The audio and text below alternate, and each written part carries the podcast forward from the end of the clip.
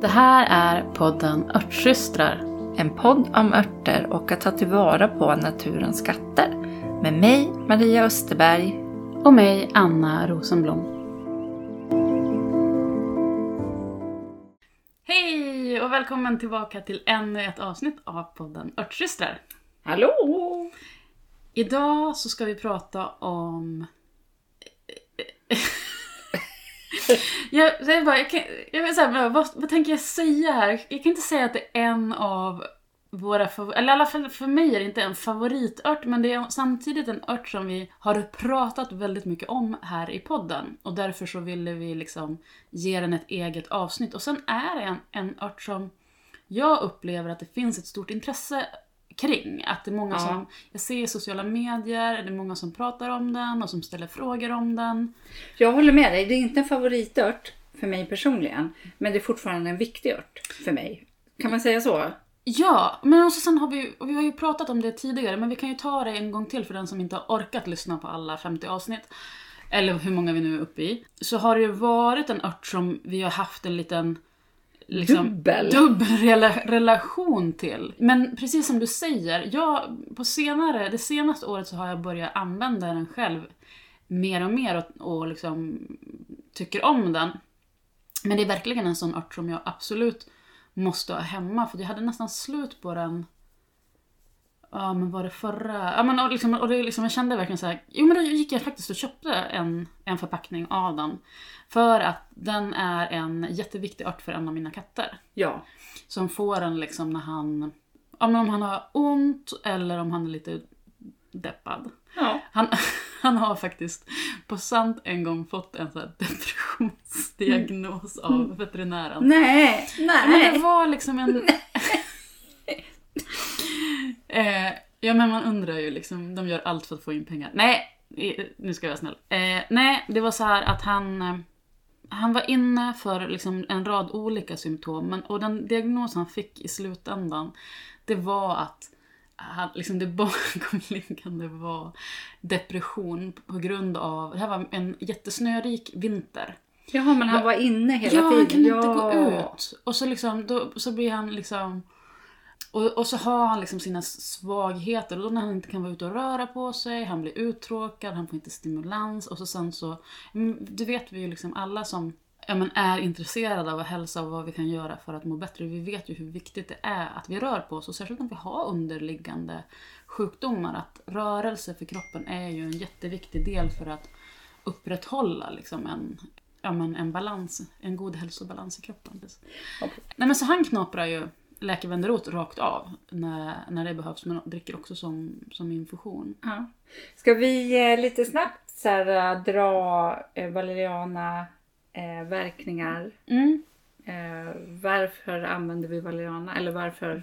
Alltså den är ju, den, den, det den är mest känd för är väl som sömnört. Och det är Ja. det, det som för dig och mig var ingången till den och som också gjorde att vi var, blev lite aviga. Ja, Den är en fantastisk sömnört. Men, för 95% av alla människor ungefär. Mm. Eh, och sen så finns det ett par procent där den verkar precis tvärtom. Precis. Ehm, Så den är ju lugnande för nerverna, muskelavslappnande, eh, lite blodtryckssänkande. Eh, så, ja. Och jag tycker att mycket av, om man vill liksom förstå den utan att liksom behöva memorera massor av verkningar, för den, eh, den har väldigt många olika verkningar och den liksom kan stötta många av de olika kroppssystemen. Men nyckeln i det är ju den här eh, kramplösande Ja. effekten, att den, den släpper spänningar. Så till exempel så kan den eh, stötta matsmältningen och eh, sägs till exempel vara bra när man är, vad heter det på svenska? Bloated. Eh, och det heter, bloated är ju inte förstoppad utan upp, man har gaser i magen. Ja, precis. Och eh, vid IBS-symptom. Eh, men Mensvärk. mensvärk. Eh, men det, det den gör är ju att den, den löser upp spänningar och kramper och det den gör det i är den glatta muskulaturen, alltså den här icke viljestyrda muskulaturen. Inte liksom armarna som vi kan spänna liksom, så vi ser våra biceps, utan i eh, magmuskulaturen till exempel. Och att den också är bra, den är bra, är ju en, liksom en, en nervsystemsört, den sägs vara tonisk, alltså stärkande för nervsystemet. Men även där som, som sömnört så hjälp, stöttar den ju med insomningen just för att den släpper Spänningar. spänningarna i kroppen, att vi kan slappna av och, och gå in i, i sömn. Men jag tror att där i ligger också liksom svaret på varför den var problematisk för mig när jag testade den första gången. För det var inte det att jag inte... Det var under en, en ja, men väldigt intensiv period under småbarnsåren. Eh, då jag hade sömnproblem och så gick jag till en hälsokostaffär och det här var innan jag började med örter. Och jag behövde verkligen någonting för att få sova. Jag ville inte eh, använda sömnmedel. Eh, och att jag, jag, kunde somna men jag fick såna, såna jäkla mardrömmar. Ja. Så det var liksom en natt och sen ingenting. Sen ville jag absolut aldrig mer använda den. För det var så himla skrämmande. Men nu när jag ser tillbaka på det så, så tror jag att liksom anledningen till att det blev så var att jag hade så himla mycket eh, Obearbetat. ja, men, undantryckta känslor och upplevelser som, som jag inte hade eller som jag inte gavs utrymme för i min vardag att hantera där och då. Liksom. Så det kan liksom vara, eh, vara liksom en viktig, liksom, att ha med sig att vara medveten om det. Att när, vi säger, när den är i det att den är kramplösande, att den släpper på spänningar. Eh, så är det också så att den, den eh, kan hjälpa till att släppa upp sånt som du har tryckt undan. Och det Ja. kan ju vara jättebra i vissa fall, men det kan ju också vara väldigt problematiskt Ja, i för andra fall. Eh, så att eh, där kan man ju liksom välja eh, man kan ju välja att använda den just för det, men man kanske också ibland i vissa fall bör undvika den Ja, just för det. Ja, alltså den är ju inte liksom farlig på något sätt. Du blir inte beroende av den eller någonting. Den är ju jättemild och fin. Ja. Den är, det är liksom, den är, och den är absolut inte, ja men som du säger, absolut inte farlig. Utan det är ju liksom en, en Mild och säker ört. ja, som har en lång historik liksom. Eh, Eh, Men det är ju lite intressant att både du och jag har exakt samma upplevelse av den. Eh, Och även våra andra örtsystrar. Ja, i alla fall, ja, vi, I alla fall en nu av behöver dem. vi inte dela deras Nej. upplevelser, men, men flera. Och jag tycker ändå att ehm, det är, är många. Men hur var det för dig? Fick du mardrömmar av den Ja. eller kunde du bara inte sova? Nej, Jag, jag fick eh, mardrömmar och eh, kände mig liksom uppjagad på något vis. Eh, nu tycker jag det är bättre, nu, men nu använder jag den eh, helt enkelt utifrån den kramplösande effekten i samband med till exempel hosta eller smärta. Mm. Eh, och mer dagtid liksom. Eh, och då tycker jag den är helt fantastisk. Jag måste säga det. Ja men alltså den är det. Och jag, precis, och jag har använt den under det senaste året så har det blivit så att jag har suttit och jobbat mycket långa dagar kanske framför datorn och så Ja. blir man lite stel. Eh, och naturligtvis så är det ju bra att göra stretch. Ja, för jag tittade på dig. Jag, jag Du sitter, börjar stretch. för, nej men jag sitter och typ gör en så här axelrörelse för vi sitter lite bängligt till här i, där vi sitter och spelar in. Jag sitter på en liten gammal, gammaldags väldigt hög soffa. Ja, du har lite, det blir fel vinkel för dina ben. Ja, Ja. Eh, så jag, vi ska byta plats sen tror jag. Men, jo, men just för sådana tillfällen så tycker jag att den är jättebra för att hjälpa, stötta att, kroppen att få liksom upp de där eh, låsningarna och sen kanske kombinera det med liksom en, en stretchövning. Eller Mm. någon, liksom. Så till det är den, är den jätte, jättefin. Har du använt en utvärtes någon gång? Som att gjort oljeut, alltså salva eller? Nej. Inte jag heller, Nej, det vill jag kan, testa. Kan man göra Ja. det? Mm. Eh, Så det kommer jag på nu, får jag skriva upp till min... Din att göra-lista.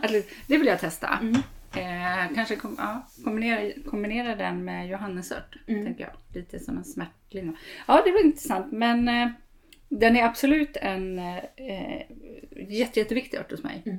Där, så apropå det och beredning så kan vi ju säga det att det är framförallt roten man använder. Ja.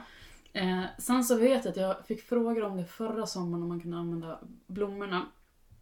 Och att det var någon som, som testade och så. Och det finns de här aktiva ämnena som, som vi vill åt. De finns i bladen och blommorna också men inte alls i samma koncentrationer. Så man kan absolut göra det. Eh, för jag vet det, började researcha och se vad står det i olika böcker. Men det är främst liksom i eh, Ja, men jag, när jag googlar på det så får jag träffar i så amerikanska bloggar. Och det är ju så med eh, örtanvändning att det kan finnas en väldigt stor variation. Och ofta tycker jag att det finns en sån himla...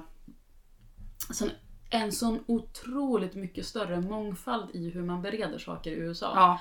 Så om man är liksom sugen på att experimentera, jag brukar tipsa alla om det som frågar, som vill göra någonting som inte är standard. Liksom att googla på det och så på engelska. Så kan man hitta liksom jättemycket bloggar som har skrivit, liksom, skriver om hur de gör och så vidare. Så, men jag skulle inte lägga tid på att skörda ovanjordiska utan det är roten. Ja, för eh, så som jag gör, jag tror du gör likadant, det är att jag låter blomman gå, blomma över och nästan vissna. Mm. Så att det är typ nu i september som roten ska skördas. Eh, så, Sen, sen som med all rotskörd så kan man ju skörda tidigare också. Men eh, då, då, ha, då är inte alla ämnen, liksom, kraften är inte samlad i roten utan då är den ute i växtdelarna och mycket mer utspädd. ja. Det är en väldigt vacker blomma så man kan absolut plocka den. Men, eh, Ja. Eh, nej men för jag tänker, det är säkert någon som liksom har varit ute och skördat liksom, i juli. Liksom. Det är, och det är liksom helt okej. Det Ja, innebär nej. inte att den inte är verksam men den är Nej. inte, inte så riktigt lika potent. Nej, det är inte så att det är förstört. Nej. Men jag, tycker- jag tycker att det är viktigt för det är så här, vi har, eh, jag vet, det är så många som, som lyssnar på oss med olika nivåer av erfarenhet och att det är så lätt som nybörjare att tro att Nej, nu får jag slänga ut den, Nej, nej, nu nej. gjorde jag fel. Nej. Ehm, Nej, det finns inga fel. nej. Man kan inte göra fel för det finns inga rätt. Nej, och, och särskilt när det gäller det här med skördetiming ehm, så visst att det finns optimala perioder att skörda en växtdel men den liksom är ju inte noll när det det är inte noll den 15 augusti och liksom 100 den 1 september. Utan det är liksom en, en, en pågående process. Ja, Liksom. ja, ja, absolut. Och som jag berättade för dig innan, jag blev så glad. Eh, Jag har ju en, en gård i Kramfors och eh, där har alltid funnits djur, kor och hästar. Mm. Eh, Så att jag har oftast fått verkligen leta efter valeriana. Men nu finns det varken kor eller hästar. Och så såg jag att eh, typ ett stenkast från eh, huset där jag bor finns det hur mycket som helst. Jag blev Alltså så det där glad. är så himla intressant. För då har de ju knopprat i sig det där. Ja, helt glatt, klart alltså. liksom. Jajamän. Och det, där, det förklarar jag också för att jag såg ju liksom eh, för något år sedan nere vid badbryggan i, ja, men, bakom där jag bor. Så, så vet jag att jag såg jättemycket valeriana. Och sen så var jag ute och span efter den bara liksom, ja men nu i år och då liksom hittade jag den inte längre. Men det går ju kor i den hagen Ja. så att förmodligen så har de De är lugna och Ja, de är avslappnade. chilla. Såg ut att ha det jättebra när jag åkte förbi där i morse. Men jag tänker valerianarna, det är ju en ganska speciell doft på det. Mm.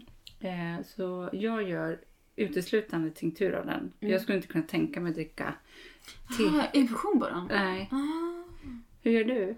Alltså, jag har ju, tidigare så har jag ju inte använt den själv så himla mycket. Det är mest senaste året som jag började använda den.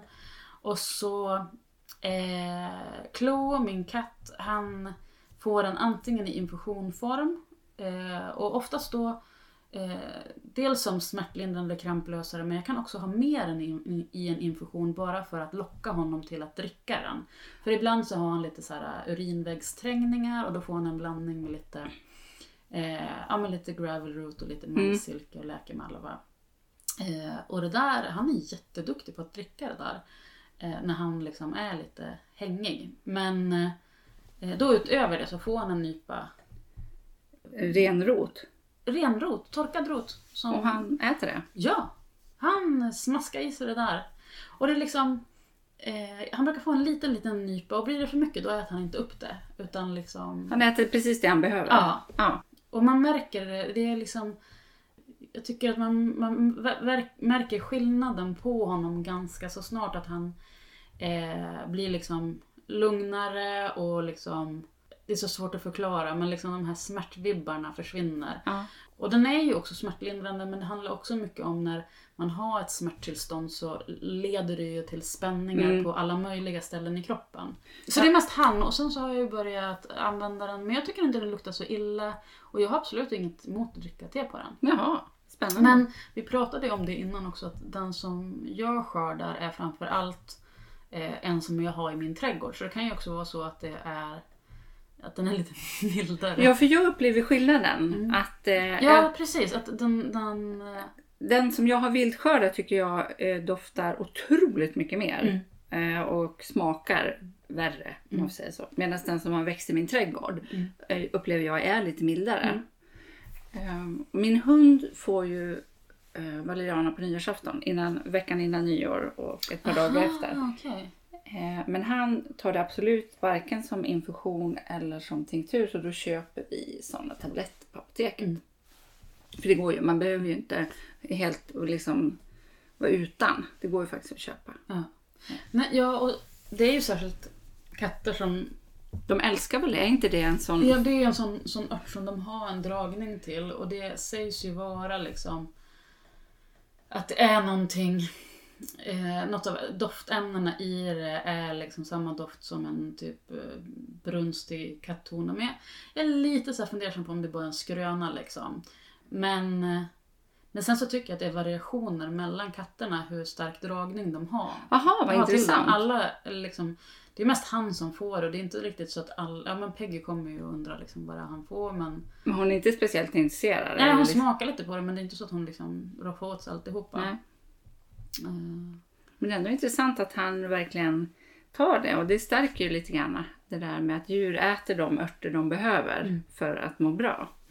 tycker det är... Ja, och han är, nej, han är klok. Han är liksom... Men du gör tinktur på Mm. den. För jag har varit lite, jag funderat på att göra tinktur men sen så blev jag lite så här fundersam på det för att men jag tror att det bara var att jag såg någon som hade läst om någon på, eller i, såg i flödet på Instagram som hade gjort den som inte blev lyckad. Eller, att den var att den luktade så himla illa men eftersom jag inte har en problematik med doften. Nej men alltså den, den doftar ju inte gott. Eh, tycker jag. Det är därför jag gör tinkturer för att liksom minimera mängden jag måste ta in i munnen Ja. utan till ett par droppar. Men, men eh, doften är inte angenäm med min näsa. Jag kan inte förstå det där eh, likheten med fotsvett för det tycker jag inte. Utan Nej. jag tycker bara att det luktar väl, valeriana, punkt. Mm. Ungefär som mesmör. Mesmör luktar mesmör och valeriana luktar valeriana. Men det sägs ju liksom att man antingen så är man liksom att vi upplever att olika personer upplever den doften olika. Så kan det säkert att, att för absolut vissa så vara. är det liksom bara det är så himla hemskt att det går bara inte och andra är mer, mer toleranta. Ja, det är intressant för eh, jag gör ju bokashi hemma. Och Precis, det är ju samma med den. min man kan inte vara i huset Mm. när jag öppnar det locket för att hälla i kompost. Och jag tycker nästan att det luktar lite gott. Ja men det är lite så här fermenterad Ja, lite lukt. Och sen så, Ja, ja och den kan ju vara lite grisig ibland om den är liksom blöt. Ja, ja eller inte optimal. Alltså, du vet, man behöver rengöra Ja. hinken en enda. Men jag tycker inte doften är oangenäm. Men han kan inte, han står inte ut. Så, att, så att det är ju någonting med vad han uppfattar i den doftstrukturen. Men vad tycker han om valeriana då? Eh, han tycker att den är, inte är så farlig. Eller nej. Mhm. Utan det är så här. Ja, alltså det luktar ju men alltså inte speciellt särskilt nämnvärt. Ja. Men sen i det här sammanhanget så ska, är det ju viktigt också att eh, påpeka att om man ska skörda eh, vildväxande valeriana så ska man ju verkligen vara super, super säker ja. på vad det, vad det är som man skördar. För att det finns ju liknande... Eh, det är främst andra, alltså andra växter som har en liknande blomma. Som, där man kan förväxla alltså andra som är giftiga. Mm. Ehm, Och ofta är det, tycker jag, så att de som man vill akta sig för eh, gärna växer på samma ställe Mm. som valeriana. Så att man ska, även om man eh, vet hur valeriana ser ut så ska man vara väldigt, väldigt noggrann när man väl väljer roten. har du något tips på hur man särskiljer den? Ehm, ja, alltså blo- jag, det här är så svårt eftersom att jag är så tvärsäker på hur den ser ut. Eh, det är just eh, hur bladen ser ut, eh, att de är så flikiga, spetsiga, Så är de lite sågtandade. va? lite sågtandade. Eh, och sen så när man gräver vid en valerianaplanta så otvivelaktigt så har man sönder en liten, liten rottråd och då kommer doften. Och så sen är ju, eh, när man väl liksom börjar gräva och få upp roten så har de ju en väldigt säregen rot. Ja, den liknar det är ingen inte annan. En, en, det är ju inte en pålrot. En pålrot är ju ungefär som en, om man tänker sig en morot. Ja. Eh, Medan de har ju liksom som stänglar. Ja, men det är mer som små skälkar under marken. Så att man letar egentligen inte efter en rot utan det är bara som ett litet nystan av tunna, tunna Trådar. trådar. Ja. Men doften eh, kommer så fort du sätter ner spaden i det. Så det är väl ett säkert tecken. Och så sen går det ju faktiskt att, att köpa också. Så är man osäker så kan man ju börja använda den en, i köpt form. För då lär man sig känna igen doften. Ja, det är ett jättebra tips. Så då kan man nästa säsong eh, liksom börja kika efter den på försommaren. För när de blommar så känner man samma doft. Ja, Och så kan man märka ut dem. Och Ja, så sen ta dem till, till hösten. till hösten. Ja, och de växer ju eh, gärna på väldigt fuktig mark. Mm. I lite skugga. Eh, vid vatten. Ja, precis. Det är där de, man hittar de allra, allra bästa ställena. Mm. Ehm. Jo, en annan grej med rötterna tycker jag är att eh, för valerian, valeriana är ju det liksom uppenbara undantagsexemplet för när det gäller beredning. Vad man ska bereda med infusion och vad man ska bereda med dekokt. Och då vanligtvis så är det ju så att eh, rötter och hårdare växtdelar, de bereder vi med dekokt. Att vi sjuder dem under lock under 20 minuter. Eh, Medan eh, mjukare växtdelar, ovanjordiska mjuka växtdelar, de eh, gör vi som infusion genom att eh, hälla kokande vatten över och låta dem dra und- under lock men inte koka eh, under 20 minuter. Men då är undantaget valeriana för Ja. att den innehåller så, så höga nivåer av eh, eteriska oljor, lättflyktiga oljor. Och därför ska man inte koka den. Nej. Men jag tycker att det, det är så kul för att det är så självklart när man ser, när man en gång har upplevt och hanterat rötterna. Ja, för de är Eftersom- så sköra och Ja, liksom... och de är så skälkiga. Ja. Att det liksom, det, de känns inte som en rot. Och, och det är just det som är skillnaden med infusion och dekokt. Att med dekokten då drar vi på mer värme, längre tid för att vi behöver tillsätta värme, tillföra tid för att få ut de här ämnena ur, ur örten. Så ja, Mm. nu kommer ingen glömma det som har hört det här. Nej, och det är bra. Mm. För det, jag läste faktiskt precis lite innan det här avsnittet. Eh, för att man blir alltid lite nyfiken. Och då skrev eh, Rosemary Gladstar att Valeriana var jättebra tillsammans med hagtorn om för höghöjdssjuka. Eller när man liksom Mm. eh, vistas på högre höjder. Det tyckte jag var intressant. Mm. Och den är ju också, eh, apropå hagtorn, som är liksom en, eh, en väldigt bra ört för hjärtat. För det var en sån här grej. Det är det som är så intressant när vi lär oss om örter. Så är det ju vissa saker som är vanligare, vanliga verkningar, vanligare verkningar hos örterna som man liksom kanske får höra oftare. Eh, men också när man läser själv så är det ju olika saker som fastnar. Det är ju det som, som man kan relatera till, eller som man tänker att ah, det här ska jag komma ihåg för det här Är bra för mig. för mig eller någon, någon Ja. närstående.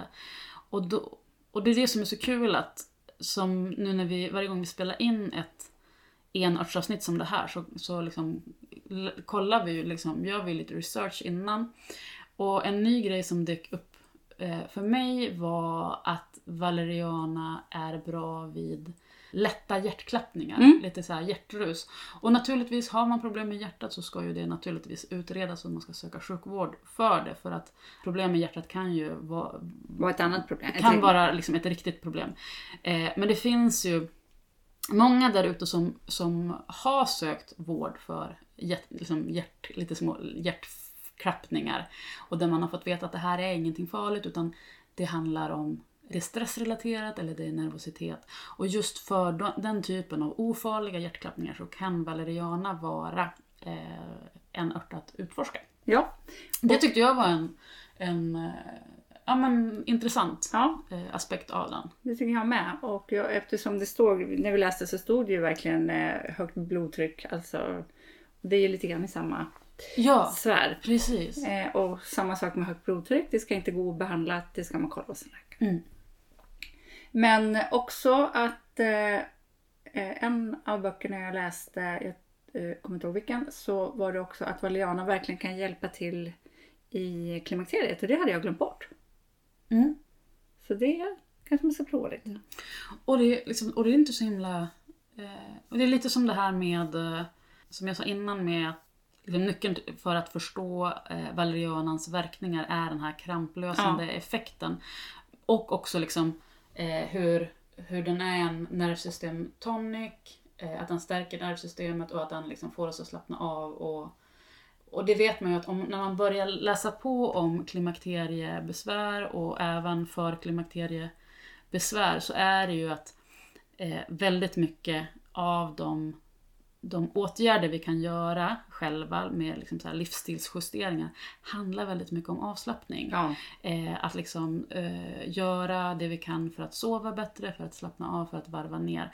Stress och spänningar är en komponent i klimakteriebesvär. ja säger jag Eh. och bara nickar. Och där är ju liksom såklart är Valeriana en, en superstar. Ja men det är det. Även på det området. Ja men Valeriana är en superstar. Eh, Nu får har- vi snart, snart får vi liksom erkänna att den liksom börjar, eh, börjar segla upp på Topp fem-listan. Ja. Det kanske är dags att ge sig. Va? Kan det vara så? Jo men alltså i och med, ja, jag vill bara återuppta just att man förstår det där kramplösande är ju, hjärtat är ju en muskel. Så, Icke viljestyrd. icke viljestyrd. Så. Ehm, ja men jag, eh, jag har haft ett komplicerat förhållande till kamomill också tidigare. Och, eh, men vi har nu blivit väldigt goda vänner. Mm. Och jag tror att jag och Valeriana också är på väg att bli det. Så, Och det är intressant. Eh, kamomill har ju också de där kramplösande Mm. egenska- egenskaperna och lite samma liksom profil på så sätt om man ser det liksom på, ur ett nervsystemsperspektiv i hur den fungerar. ja, helt klart. Men jag tror att många med mig har blivit lite förstörda av kvällste Ja, ja. från en matvarubutik. ja. Eh. Sär, särskilt typ Friggs. Då, jag ville inte säga ett varumärke så jag försökte vara... Men det är Till, just det. Till Friggs försvar så tycker jag att de verkar ha gjort en uppryckning på sistone. Det tror jag Eh, med. Det är länge sedan jag vågade köpa Jag har verkligen försökt med Friggs. För att i teorin, okej, nu kommer en Friggs rant. Jag är ledsen om någon lyssnar på det här och jobbar på Friggs och blir jätteledsen. Men de har ju haft en sömn-te-blandning som i teorin är helt, borde vara helt makalöst Mm, bra. Med eh, passionsblomma, är det lavendel och någonting mer? Ja, citronmeliss. Ja, och jag har köpt den eh, när jag har varit liksom på resa eh, och liksom inte haft med mig örter.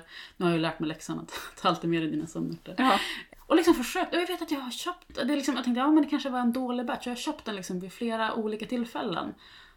Och den är så jäkla dålig. Alltså, För det det måste- borde ju funka om det är de örterna i.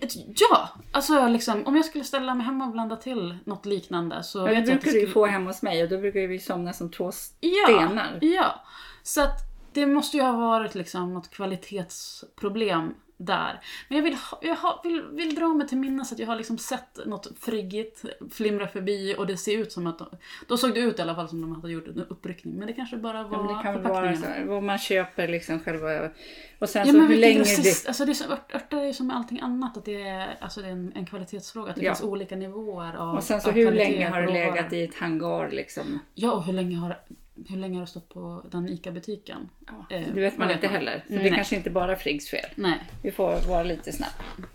Ja, men hur som helst, så var mitt förebild. Så att min relation med kamomill är jag är numera eh, fantastisk. Och jag tror att jag och Valeriana, ja jag tror det faktiskt. För att jag använder, märker att jag använder det mer och mer. Mm. Jag också. Jag märkte i, i, för ungefär ett år sedan när jag fick covid så var den fantastisk att ha eh, för hostan. Ah, okej. Så då blandade jag, du har ju gjort en jättefin hostmedicin. Du har lärt mig en Mm. blandning som är fantastisk. Och nu, så här, nu måste jag påminna dig än en gång att det inte är jag som har kommit på den. Nej, det var det är Ida. Det är Idas recept Ja, det är. Idas recept. Eh, men det var du som Som... eh, introducerade det Mm. för mig. För ju- det hörde aldrig jag när vi gick utbildningen. Jag hörde aldrig det där. Nej, precis. För vi satt och pratade om det här när vi fikade för en stund sedan. Just det här med perception och vad man, när man lyssnar på en, en föreläsare, att man, man, man plockar hem det som är aktuellt just då. Ja, man hör olika saker. Mm. Och det där hörde aldrig jag, men det hörde du. Och nu har du lärt mig. Och den är helt fantastisk. Men med valeriana blir den amazing. Mhm. Du tillsätter tinktur av den också då? Mm. Det är min hostmedicin. Mm. Världens bästa. Ja. Ja, men då tror jag att det är dags att knyta ihop det här avsnittet. Eh, vi är tillbaka igen om två veckor. Tills dess får ni ha det så bra och eh, örta på. Hej då! Hej då! Många frågar efter de recepten som vi nämner i podden. Därför har vi valt att samla våra favoriter och göra dem tillgängliga för er. Vi tar en liten slant för dem. Det är därför också ett sätt för dig att stödja podden. Länk till recepthäftet hittar du i avsnittsbeskrivningen. Du kan också stötta oss genom att följa podden i din poddapp eller gå till poddens programsida och skriva en recension. Tack för att du lyssnar!